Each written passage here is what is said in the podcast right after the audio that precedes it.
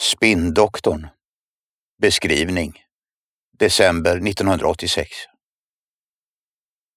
En politisk bomb i form av Iran-Contras-affären briserar i Washington DC. En affär som avslöjar att USA i hemlighet sålt avancerade vapen till Iran under kriget mot Irak.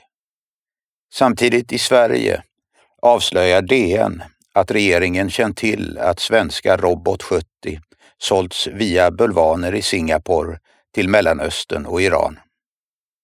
Två veckor efter artikeln faller krigsmaterielinspektören, amiral Carl Fredrik Algernon, framför en tunnelbana på T-centralen i Stockholm och omkommer.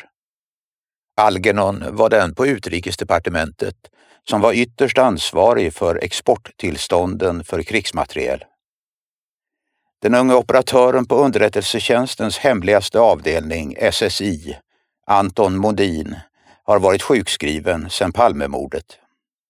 Hans första uppdrag när han kommer tillbaks till arbetet blir att diskret undersöka hur det gick till när krigsmaterielinspektören omkom. Var det ett självmord som polisen menar eller var det något annat som låg bakom? Ungefär samtidigt börjar den politiske rörmokaren Ebbe Carlsson, tillika förlagschef på Bonniers, att undersöka Palmemordet. Han har tillsammans med den nära vännen Carl Lidbom, som är ambassadör i Paris, fått ny information från en källa i den franska säkerhetstjänsten. Enligt informationen hänger mordet på statsminister Olof Palme samman med Bofors vapenaffärer med Iran. Därför bildar Karlsson och Lidbom en hemlig grupp för att driva en egen mordutredning vid sidan av polisens. De får justitieministerns och rikspolischefens välsignelse. Men allt måste ske i det tysta eftersom motivet är så känsligt att det kan skada regeringen på djupet. De menar till och med att sanningen om mordet, om den når svenska folket, skulle skaka Sverige i dess grundvalar.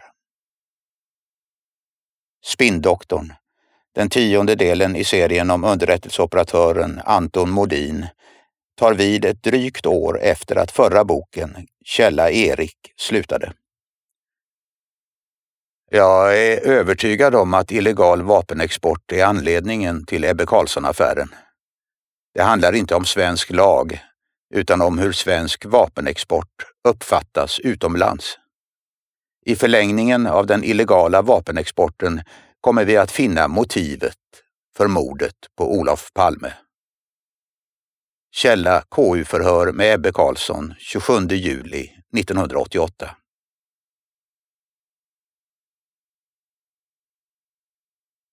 Förord Den här boken handlar om tiden efter Palmemordet i februari 1986 och utspelar sig mellan november 1987 och slutet av 1988. Under denna period briserade en av de största politiska skandalerna i Sverige, Ebbe Carlsson-affären. Den politiske trixaren Ebbe Carlsson fick bära skulden för och ge namn åt hela affären när det uppdagades att justitieministern, rikspolischefen, länspolismästaren och delar av Säpos terroristavdelning i hemlighet drivit en egen utredning rörande Palmemordet vid sidan om den ordinarie. I den ingick olaglig buggning, insmuggling av avlyssningsutrustning från utlandet, svarta pengar, hemliga fribrev, informell asyl för terrorister samt privatpersoners tillgång till hemligstämplad information. Anledningen till den parallella utredningen av Palmemordet var att man befarade att motivet bakom dådet, om det blev offentliggjort, skulle kunna skada Sverige och i synnerhet det socialdemokratiska partiet. Dessutom misstänkte man att Säpo inte ville medverka till lösningen på grund av sina egna tillkortakommanden och risken för att deras olagliga metoder skulle komma att avslöjas. En bra källa till bakgrunden är de officiella KU-förhören som direktsändes i tv och finns att se på SVT Öppet arkiv. Det fanns och finns än idag uppenbarligen något man anser viktigt att skydda oss vanliga medborgare ifrån. Vad det är ska jag försöka reda ut i den här boken. Som vanligt fyller jag i de tomma raderna med egna analyser och en smula fantasi. Mycket nöje. Anders Jalaj, Grisslehamn och Lidingö 2019. Prolog han samlar ihop utredningspappren rörande Bofors vapenhandel, lägger dem i sin bruna portfölj tillsammans med passerkortet till Utrikesdepartementet. Det rekommenderade brevet han fick tidigare idag från polisen får ligga kvar på skrivbordet. Det är en kallelse till ett förhör angående Bofors vapenaffärer med Iran. Han kontrollerar att plånboken ligger i rockens innerficka och att han har nycklarna hem till villan i Täby innan han tar på sig pälsmössan och de svarta handskarna och lämnar arbetsrummet på krigsmaterielinspektionen. Utanför Arvfurstens palats vid Gustav Adolfs torg är det vinter. En kylig vind från Saltsjön drar in under rockens pälskrage och han skyndar på stegen genom snön. Väl framme på Vasagatan, mitt emot centralstationen, försvinner han ned i folkvimlet vid tunnelbanenedgången. I spärren visar han sitt SL-kort, tar sedan rulltrappan till perrongen där tunnelbanan mot Mörby centrum och Ropsten går. Han slänger ett öga på armbandsuret. Klockan är bara kvart i sex och han inser att han inte har någon brådska. Men det ska bli skönt att komma hem. Det har varit en stressig arbetsdag på krigsmaterielexpeditionen. Bofors försöker lägga skulden på honom och UD för att deras vapen har sålts till förbjudna länder. Han försöker släppa tankarna på jobbet och ser fram emot att sätta igång med renoveringen av sonen Görans villa ikväll. De ska riva en vägg tillsammans. Det är sånt han gillar att göra på fritiden. Särskilt under vinterhalvåret då det inte finns något att jobba med i trädgården. Dessutom tycker han om att kunna hjälpa sina två söner som båda har flyttat hemifrån. Han ser sig omkring på den halvfulla perrongen innan han som vanligt ställer sig cirka tio meter från tunnelmynningen där hans tåg snart borde komma. Han brukar ta första bästa. Och är det på väg mot Ropsten åker han med det till Östermalmstorg och inväntar tåget mot Mörby centrum.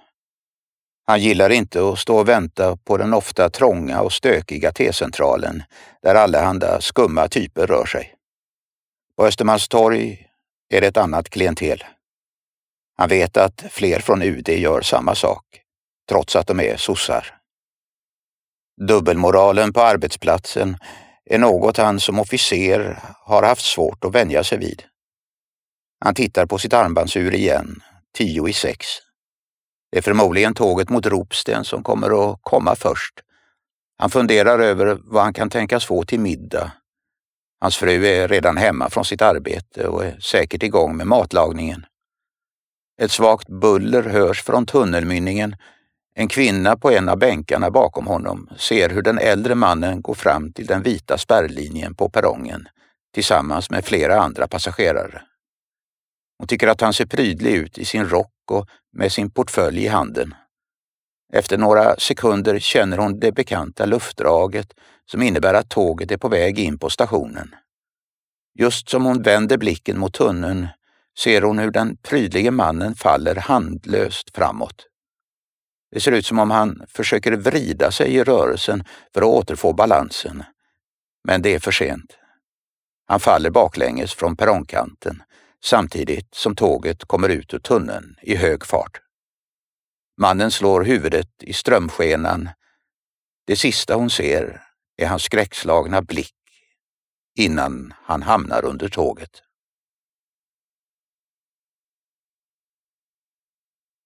Kapitel 1 Midsommarkransen tisdag 3 november 1987 För fan, Anton Modin, säger han högt till sig själv samtidigt som han försöker ta sig ur dubbelsängen. Andedräkten sticker i näsan. Han får lust att spy när han naken reser sig upp och försöker samla tankarna. Men det går inte. Han kan inte ens se klart. Med ena handen som stöd mot den iskalla fönsterbrädan kikar han ut i mörkret utanför fönstret. Det är folktomt på gatan nedanför. Han har ingen aning om var han befinner sig, bara att det är någonstans söder om Stockholm. Han vänder sig om och tittar på den ljushåriga tjejen i sängen. Hennes långa välformade ben sticker fram under täcket. Allt han vet är att hon heter Monica och att hon är uppväxt norr om stan. Frågan är vad de gjorde i natt. Knullade förmodligen. Men hur gick det till i det här tillståndet, tänker han och ser ner på sin slaka penis. Han får ta stöd mot de kritvita väggarna för att kunna gå ut i badrummet. Han pissar sittande och dricker sedan vatten direkt ur kranen. Återvänder till sovrummet, letar rätt på sina utspridda kläder, drar dem snabbt på sig och lämnar lägenheten så tyst han kan. På gatan försöker han hitta en taxi men lyckas inte. Det kommer inga bilar överhuvudtaget.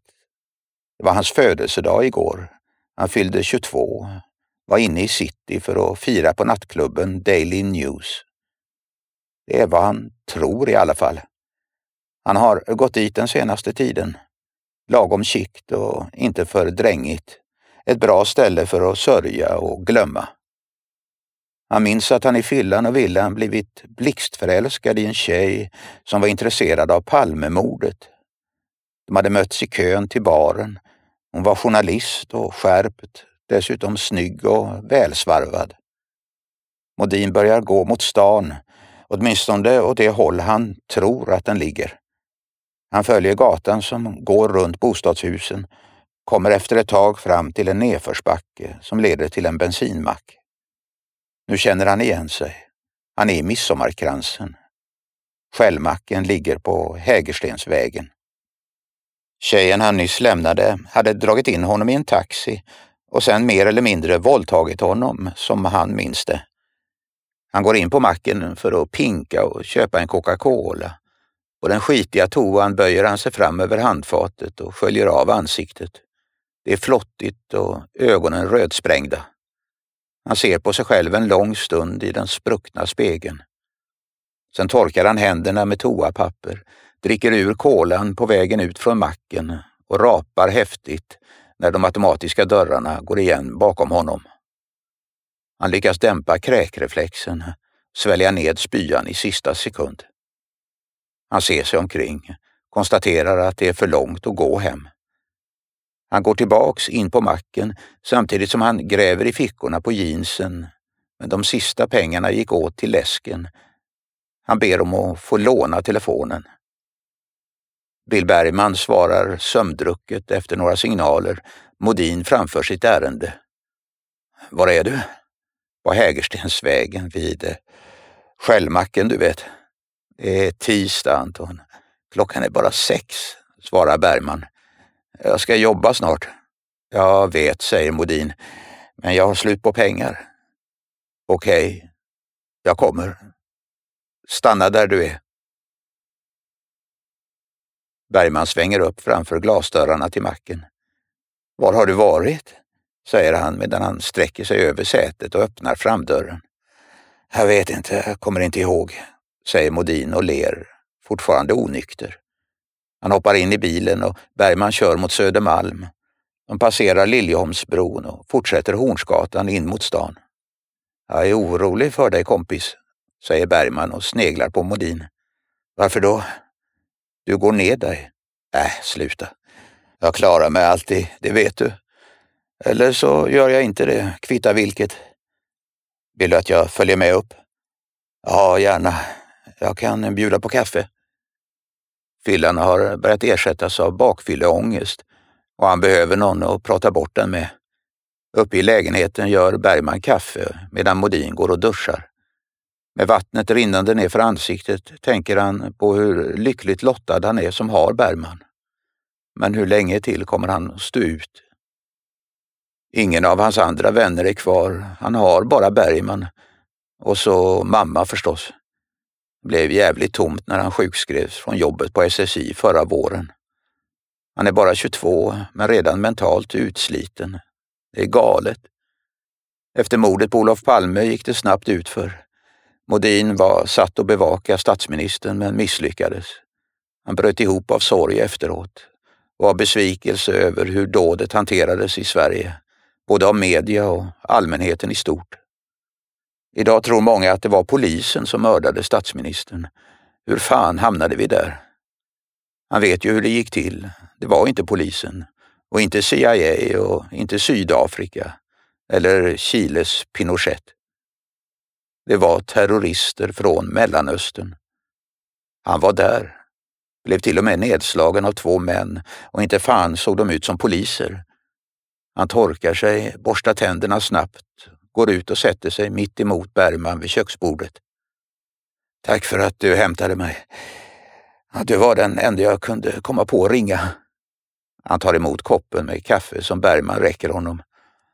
Ingen vill vara med en loser. Du är inte helt bakom flötet min vän. Nej, jag är väl inte det, även om det känns så. Ska vi ta en återställare? Nej, för helvete Modin. Det är dags att dra ner på alkoholen, tycker du inte det? Jo, visst fan gör jag det. Jag borde börja träna också. Kolla, jag håller på att få ölmage. Han klämmer med båda händerna utanpå morgonrocken och ler. Det, jag vet att du inte vill prata om det, men jag tror faktiskt att du måste. Vad var det som hände egentligen? Jag menar, på Sveavägen, säger Bergman och tittar ned i sin kaffekopp. Jag vet inte, Bergman. Det är illa som det är och jag vill inte röra till det ännu mer. Du är egentligen skyldig mig det, Modin, efter alla år vi känt varann. Efter alla år som jag... Jag är inte skyldig någon ett skit. Jag skiter i Sverige. Det här landet är inte värt att försvara, utbrister han så häftigt att Bergman ryggar undan. Ta det lugnt. Varför då?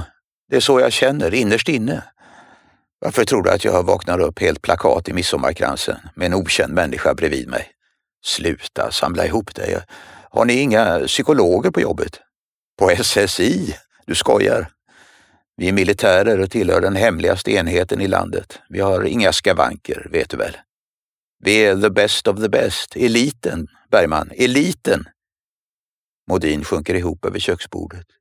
Luften gick ur honom. Ångesten väller upp i halsen och han kan inte kontrollera den. Han börjar skaka och gråten väller fram okontrollerat. Hur är det? säger Bergman och tar tag i hans överarm. Modin skakar fortfarande, men torkar bort tårarna och sträcker på sig. Lova mig att du rycker upp dig, Modin. Ja, jag ska försöka. Jag trodde aldrig att jag skulle säga det här, men gå till jobbet. Besök SSI. Nu kommer de må bra av att träffa folk igen och känna pulsen på en arbetsplats. Du kanske kan ta en deltidstjänst? Deltid på sektionen för särskilda insatser. Mm. Vi får se vad chefen säger om det.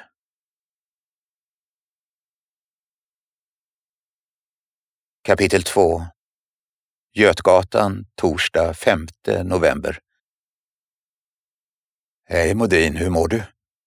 Hej Chris, det är okej, okay. jag låg och sov, säger Modin nyvaket i den hemliga telefonen som hans arbetsgivare har installerat i hans lägenhet. Klockan tio på förmiddagen, säger Chris Loklint och suckar i luren. Ja, det blev sent igår. Det blir tyst en stund och Modin kväver en gäspning. Vill du börja jobba igen? Jag vet inte, det var ett tag sedan. Ja, över ett år. Det är dags att du rycker upp dig. Vi behöver dig här, säger Loklint med så len stämma han kan uppringa. Modin har aldrig hört sin chef låta så vänlig tidigare. Till eh, vad då? Äh, sluta anklaga dig själv. Det som har hänt har hänt. Jag har ett glassjobb till dig så att du kommer igång och får lite rutiner igen. Nej, jag vet inte. Jag har varit ifrån det för länge. Modin torkar sig i pannan. Han är genomvåt av svett. Kommer du ihåg eh, krigsmaterielinspektören som föll framför tunnelbanan i januari i år? Tidningarna har tagit upp fallet igen och börjat eh, spekulera i om det kan ha varit mord. Vi behöver någon här som tittar på det. Jag tycker att du ska ta det. Varför just jag? Han byter grepp om luren och torkar av sin klibbiga handflata på kalsongerna. Jag har ingen annan just nu. Regeringen vill ha det utrett av en oberoende part vid sidan av polisen. En tunnelbaneolycka. Ah, det tar högst ett par veckor. Gör några intervjuer, samla lite bakgrundsinformation och skriv sedan en rapport som jag kan skicka till UD. Efter det kan du få mer spännande arbetsuppgifter. Kom in på byrån så berättar jag mer. Skynda dig hit nu. Loklint lägger på utan att invänta svar. Modin blir sittande på bänken i hallen med en lång hänvisningston i örat. Han försöker ta in det hans chef nyss sa, men det är svårt. Dels är han bakfull och dels har han tappat gnistan och motivationen. Ska han strunta i Loklints order och komma in? Risken är att han förlorar sin sjuklön från SSI. Den är fet och han behöver den. Det är dyrt att springa ute på krogen varje kväll. Han bestämmer sig för att åka in till kontoret. Då kanske hans chef ser i vilket dåligt skick han är och skickar hem honom igen. Han går ut i köket på vingliga ben, äter en skorpa och dricker ett halvt glas mjölk. Det är allt han får i sig. Sen duschar han och klär på sig. Innan han lämnar badrummet häller han rikligt med rakvatten från Fahrenheit i handflatorna, gnider in kinderna för att dölja spritlukten, försöker morska upp sig framför spegeln, men inser snart att han ser ut som en loser ändå. Håret som har blivit långt under sjukskrivningen står åt alla håll, mungiporna strävar söderut. Han tänker på det Bergman sa, att han skulle samla ihop sig. Lätt för honom att säga. Han har inte misslyckats med att förhindra det värsta attentatet mot Sverige i modern tid.